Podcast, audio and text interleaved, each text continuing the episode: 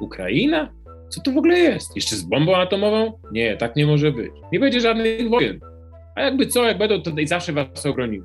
I biedni, naiwni Ukraińcy uwierzyli tym bandziorom, bo inaczej się tego nie da powiedzieć. Kurczę, co za gość, no, ale ma jaja.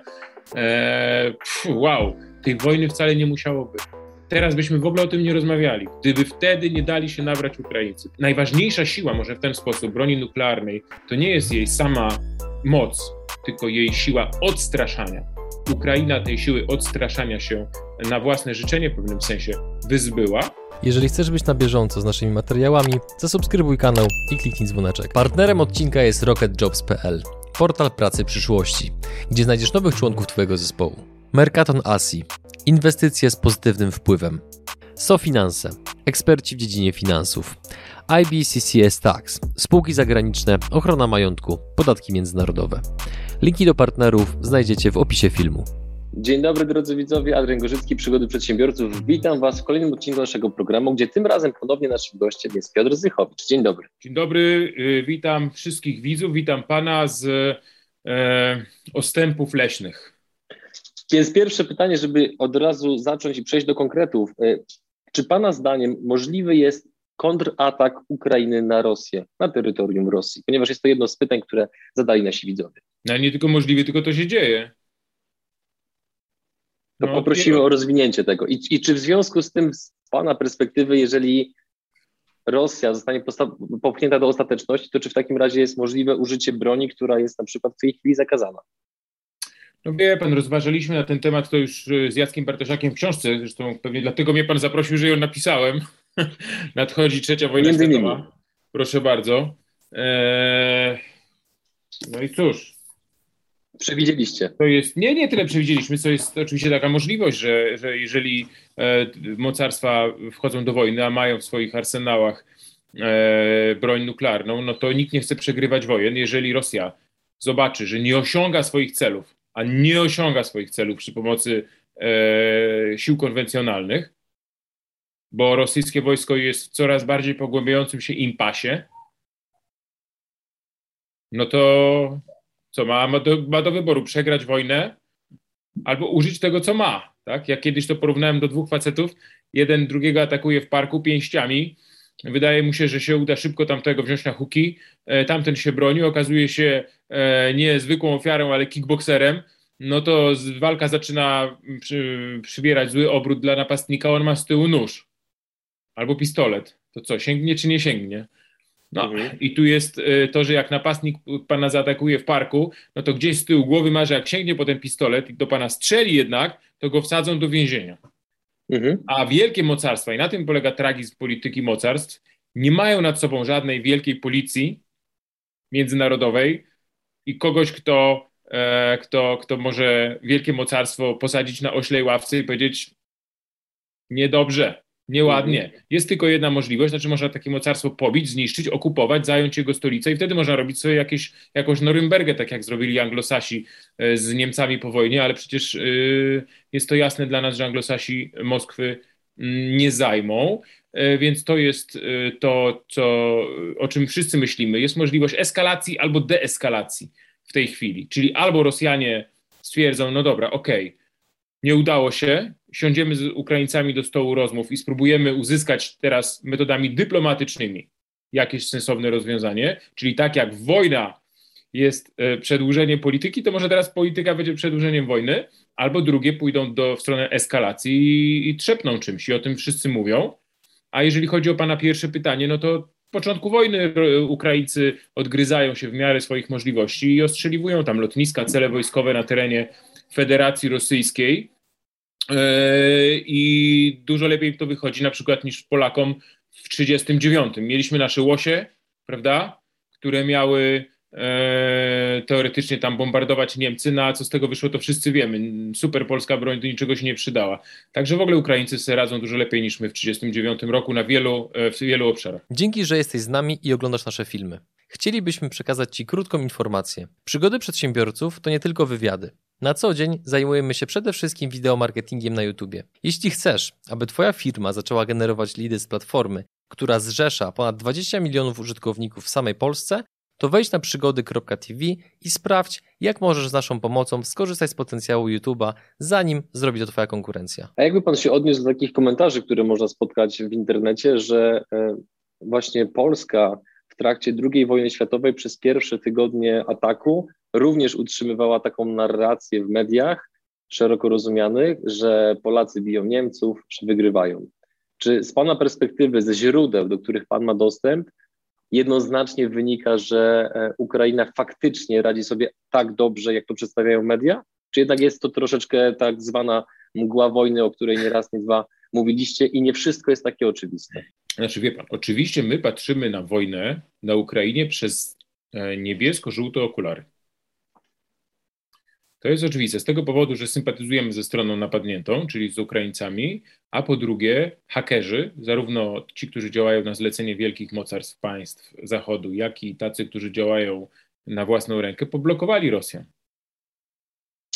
A Ukraińcy według niektórych mają doskonałych amerykańskich doradców, którzy robią tę kampanię mm, e, medialną i rzeczywiście mamy zalew dosłownie w mediach społecznościowych filmów, które pokazują lokalne sukcesy mm, strony ukraińskiej. Pytanie, czy one się przekładają na ogólną sytuację na froncie? I to jest interesujące. Wygląda na to, że na początku nie, to znaczy Rosjanie w oczach youtuberów, e, twitterowców, e, użytkowników Facebooka właśnie dostawali lanie, ale posuwali się szczególnie na wschodzie i na południu, czyli to uderzenie z Krymu było bardzo przyzwoite e, i to uderzenie z Donbasu i z Ługańska.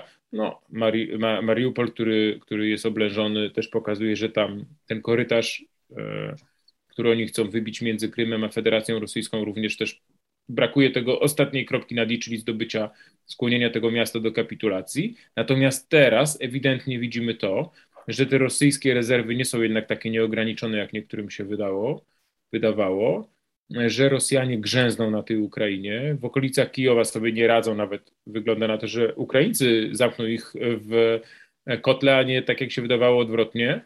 W związku z tym jest bez wątpienia impas i Rosjanie trochę biją głową w mur, mają olbrzymią przewagę nad Ukrainą gospodarczą, w ilości mm, sprzętu.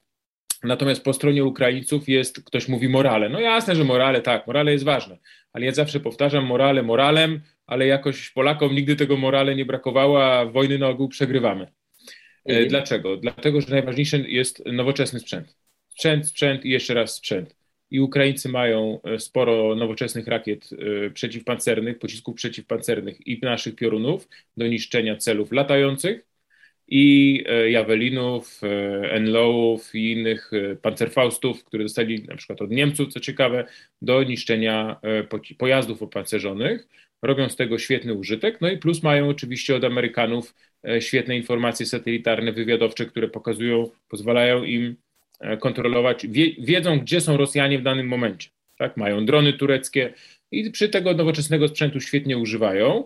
Rosjanie natomiast mają spore problemy takie systemowe ze swoją armią, czyli e, korupcja, czyli rozkradziona ta armia była w dużej mierze, taka ogólny bardak rosyjski, niekompetencja, no, ewidentnie widać, że tutaj Ukraińców ci natowscy e, eksperci i doradcy świetnie przygotowali na tę wojnę, przeszkolili, Ukraińcy się biją dobrze, e, a, a Rosjanie różnie, różnie i to różnie nie wystarcza. Ukraiń, Rosjanie też powinni bić się dobrze, a biją się średnio.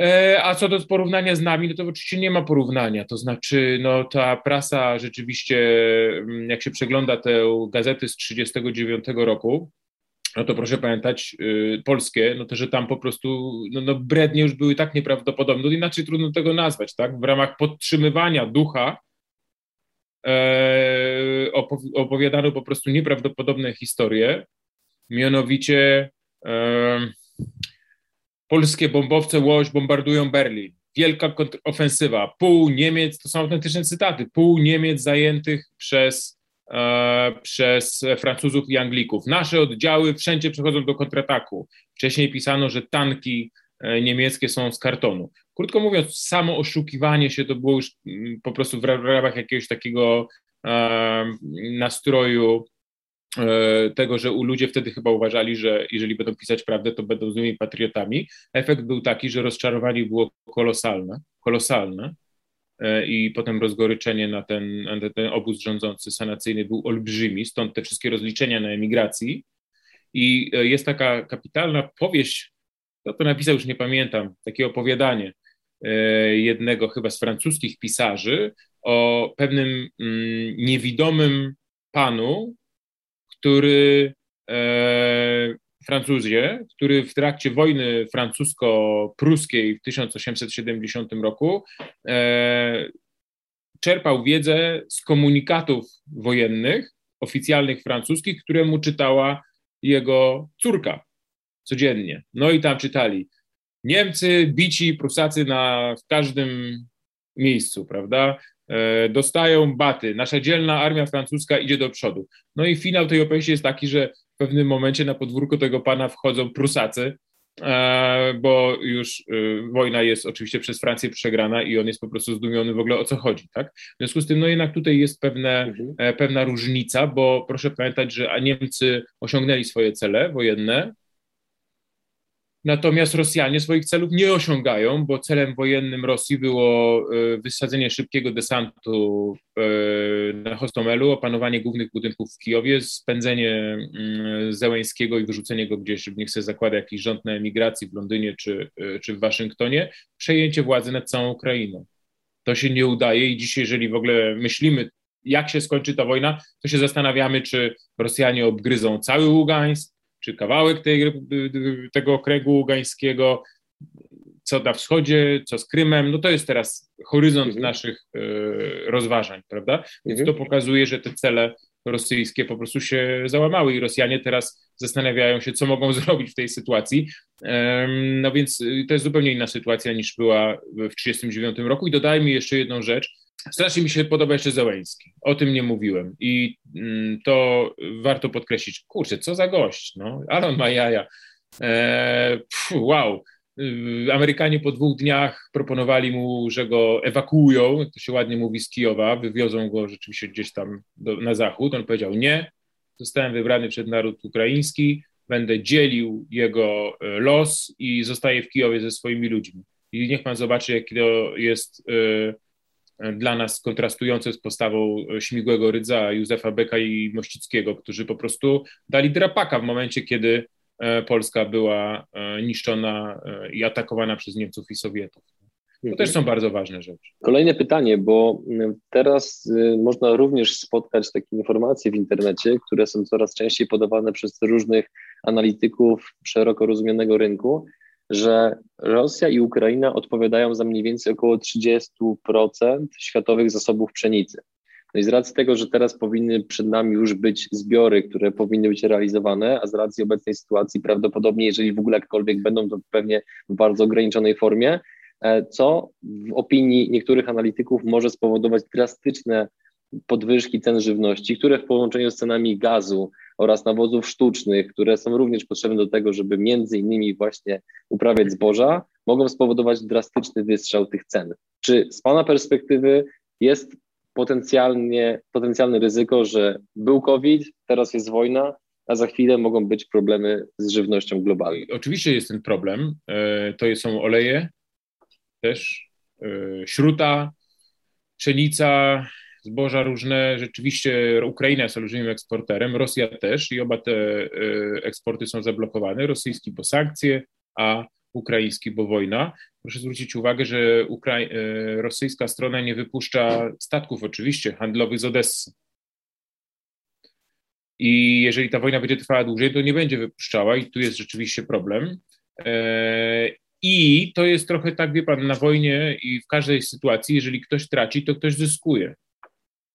No, proszę pamiętać, że po prostu, y, no co tu dużo mówić, no ktoś na tej wojnie będzie zarabiał. Jeżeli, Czy Pana zdaniem jest realny scenariusz, w którym bochenek chleba kosztuje 10-20 zł? Wie pan, no to, to za, za, dużo pan ode mnie wymaga. Nie sądzę. To, ja mam coś, co, co, co, chcę panu powiedzieć. Znaczy, jeżeli tamte rynki się zamkną, to inne się otworzą. To mam na myśli, tak? To znaczy, zawsze musi być ta równowaga w gospodarce, ten bilans, i myślę, że jeżeli e, rzeczywiście ta wojna będzie trwała dłużej, przecież w każdej chwili mogą e, się porozumieć, jakieś porozumienie o zawieszeniu broni wprowadzić i przynajmniej ukraiński rynek zostanie otwarty, bo rosyjski, no to mam nadzieję, że nie, że te sankcje zostaną utrzymane, ale jeżeli nie będzie tak, no to są inni producenci, e, producenci e, pszenicy na świecie. Chińczycy, niech pan pamięta, skupili, mają gigantyczne zasoby, więc prawdopodobnie wypuszczą to na rynek. Być może będzie, wie pan, po prostu inaczej, inaczej ten łańcuch dostaw się, e, się, się stworzy.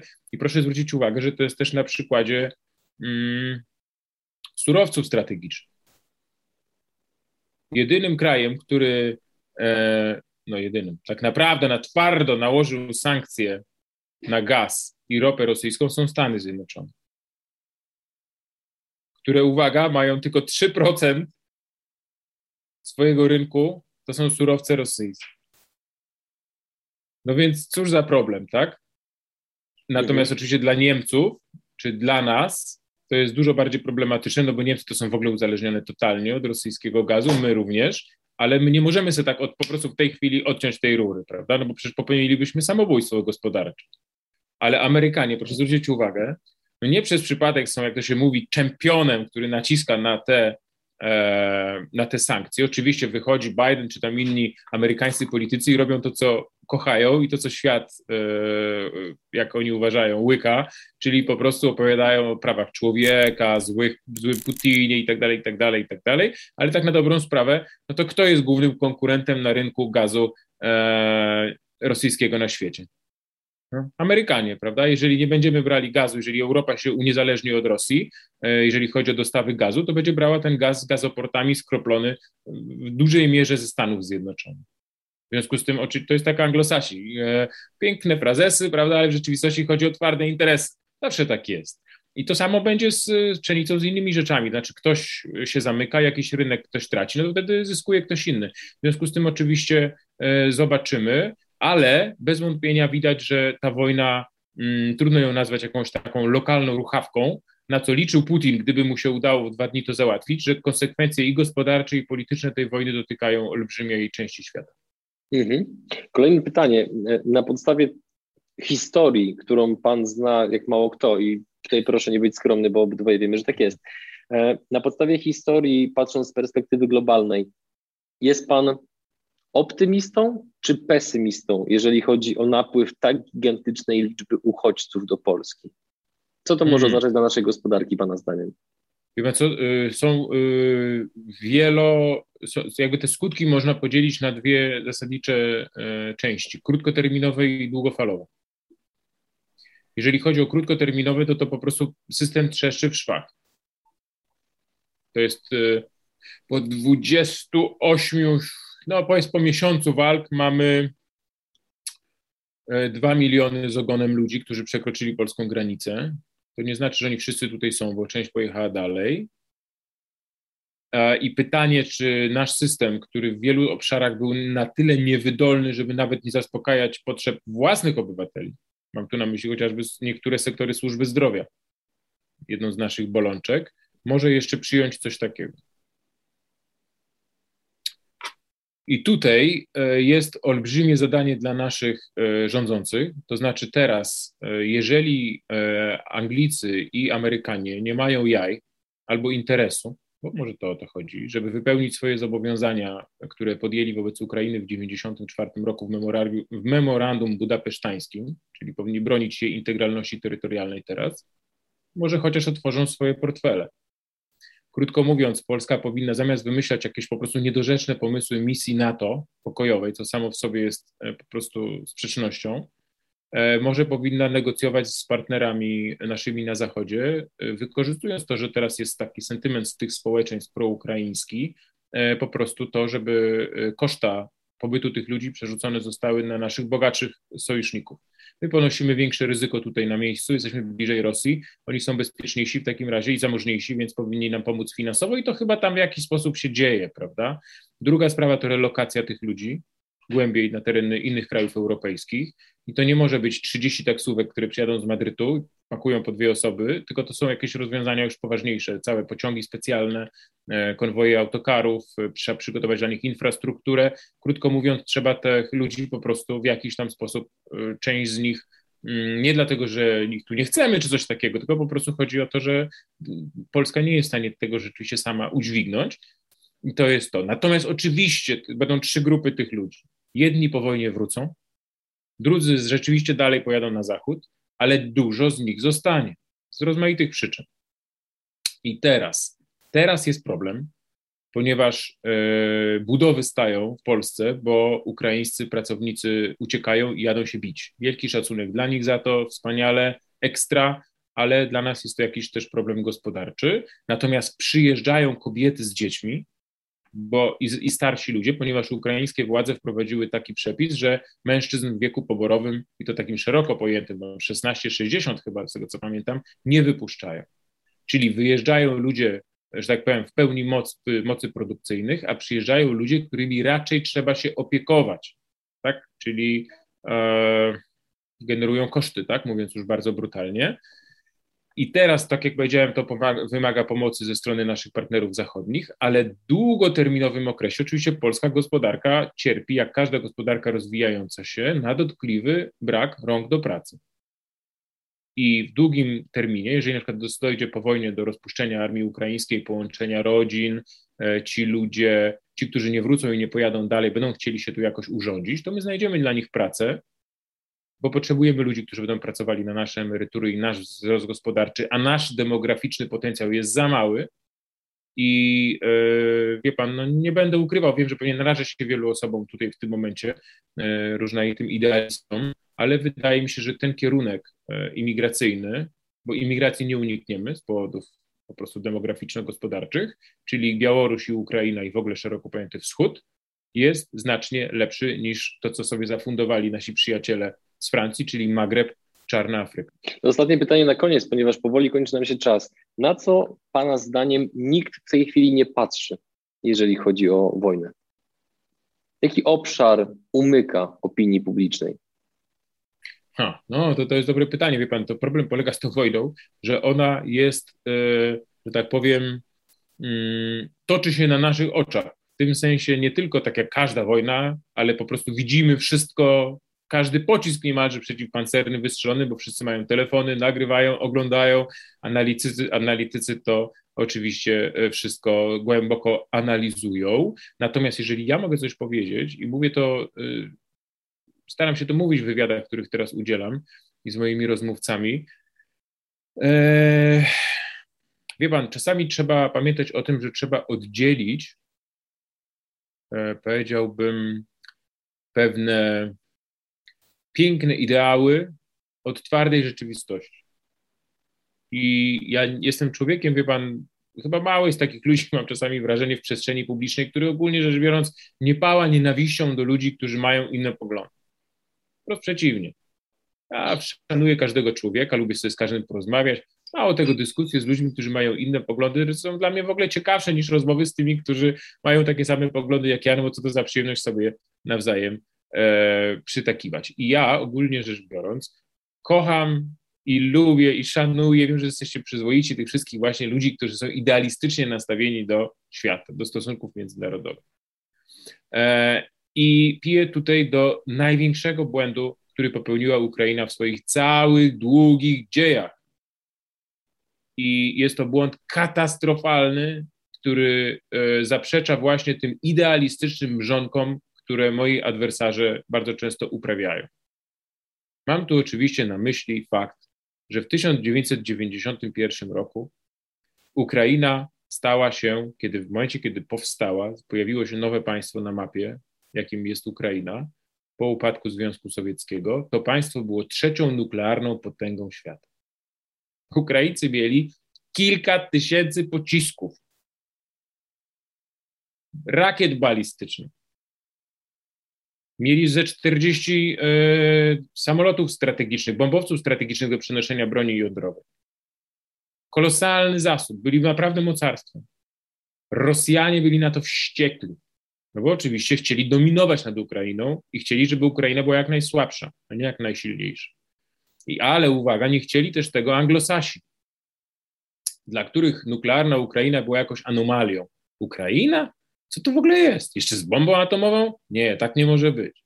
I w latach 90. przyjeżdżali do Kijowa, piękni, złotouści, uśmiechnięci e, amerykańscy i angielscy e, negocjatorzy, pięknych, wie pan, hollywoodzkie uśmiechy, piękne e, garnitury i kołowali tych biednych Ukraińców, kołowali, kołowali i mówili im tak, słuchajcie, to jest koniec historii.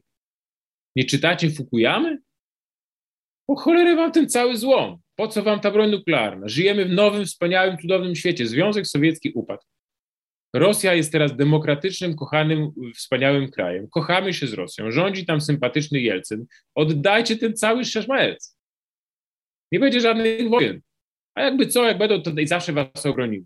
I biedni, naiwni Ukraińcy uwierzyli tym bandziorom, bo inaczej się tego nie da powiedzieć, i oddali swoją broń nuklearną. Podpisali memorandum budapesztańskie, o którym teraz mówiłem, i oddali, sami się rozbroili, oczywiście ku uciesze Rosji. I o tym się mało mówi. Teraz chcę to powiedzieć bardzo wyraźnie. Tej wojny wcale nie musiało być. Ludzie, którzy teraz giną i konają i za, są po prostu zamordowani przez rosyjskich żołdaków w Mariupolu, w Charkowie, pod Kijowem, w innych miejscach, wcale nie musieli zginąć. Teraz byśmy w ogóle o tym nie rozmawiali, gdyby wtedy nie dali się nabrać Ukraińcy, ponieważ gdyby oni mieli tą broń, to Putin bałby się podejść do granicy z Ukrainą i stryknąć ich stronę wykołacza.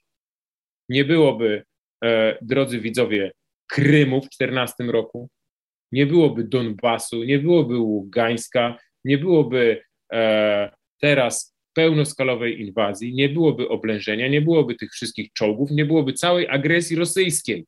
I to teraz chcę powiedzieć, bo wbrew tym idealistycznym założeniom, ja wiem, że macie dobre intencje, ale po prostu tak świat nie działa. Broń nuklearna nie jest zagrożeniem, ale jest najlepszym gwarantem pokoju. Ten, kto ma broń nuklearną, ten jest bezpieczny. Jeżeli są dwa państwa, które mają broń nuklearną i mają sprzeczne interesy, to możliwość wojny pomiędzy nimi jest znacznie, znacznie mniejsza, ponieważ boją się, że może to eskalować obie strony do e, konfrontacji nuklearnej. Pakistan i Indie są takim świetnym przykładem. Natomiast kiedy występuje różnica, czyli z jednej strony jest państwo nuklearne, z drugiej jest państwo, które tą bronią nie dysponuje, no to oczywiście to drugie państwo może w łatwy sposób paść ofiarą agresji tego państwa, które jest uzbrojone w te pociski, a docelowo być może nawet stać się ofiarą ataku nuklearnego, tak jak było e, z Imperium Japońskim. Tak? To znaczy Amerykanie toczyli tą wojnę do pewnego momentu w sposób konwencjonalny, a potem, kiedy pozyskali zdolności atomowe, to rąbnęli w Hiroshima i Nagasaki, zgładzili w dwóch atomowych błyskach ponad 100 tysięcy ludzi. Gdyby Japończycy nie mieli broń nuklearną, to nie muszę panu mówić, że to by się nie wydarzyło. Tak? E, a z drugi przykład w drugą stronę, no to oczywiście jest zimna wojna. Dwa bloki naprzeciwko siebie. Związek Sowiecki, z drugiej strony Amerykanie wielka walka o globalną supremację. Przecież to trwało ponad 40 lat. Zimna wojna, możemy powiedzieć, od 45 roku do 91. No i co? I nie doszło do, i nie zamieniła się w gorącą. Dlaczego? Bo e, z jednej strony sympatyczni Sowieci, z drugiej strony Amerykanie byli tacy mili i stwierdzili, że nie będą rozwiązywali swoich konfliktów przy pomocy e, dział i, i, i w ogóle broni. Nie, dlatego że obie strony miały broń nuklearną i ryzyko było za duże. Także krótko mówiąc, to chciałem powiedzieć, o tym się mało mówi, to się uważa w ogóle mówienie o tym za jakąś myśl o zbrodnię, bo przecież wszyscy wiemy, że broń nuklearna jest bardzo niedobra. A okazuje się, że broń nuklearna może być e, nie tyle użyta, najważniejsza siła może w ten sposób broni nuklearnej, to nie jest jej sama moc, tylko jej siła odstraszania. Ukraina tej siły odstraszania się na własne życzenie w pewnym sensie wyzbyła i w efekcie jest to, co jest. I oczywiście tutaj e, krytycznie chciałem się wypowiedzieć o, o Stanach Zjednoczonych i Wielkiej Brytanii, które złożyły po prostu e, w 1994 roku deklarację o tym, że w nagrodę za to, że Ukraina się tej broni wyzbędzie, będą stały na straży jej integralności terytorialnej i niepodległości i, i, i tego nie robią. Tak? To znaczy złożyli te państwa gwarancje, których nie dotrzymują. Myśmy też to przerabiali podczas II wojny światowej i to jest ta lekcja, która, e, którą trzeba e, wyciągnąć z tego, a nie tylko taka, że Putin to zły człowiek, bo myśmy to wiedzieli wcześniej. Dziękuję bardzo za rozmowę. Drodzy widzowie, naszym gościem był Piotr Zychowicz, współautor książki Odchodzi Trzecia Wojna Światowa. Panie Piotrze, dziękuję za rozmowę. Życzę wszystkiego dobrego i prawdopodobnie do zobaczenia niedługo po raz kolejny. Dziękuję za zaproszenie. Jeżeli Pana i Pańskich widzów nie zanudziłem, to się polecam na przyszłość.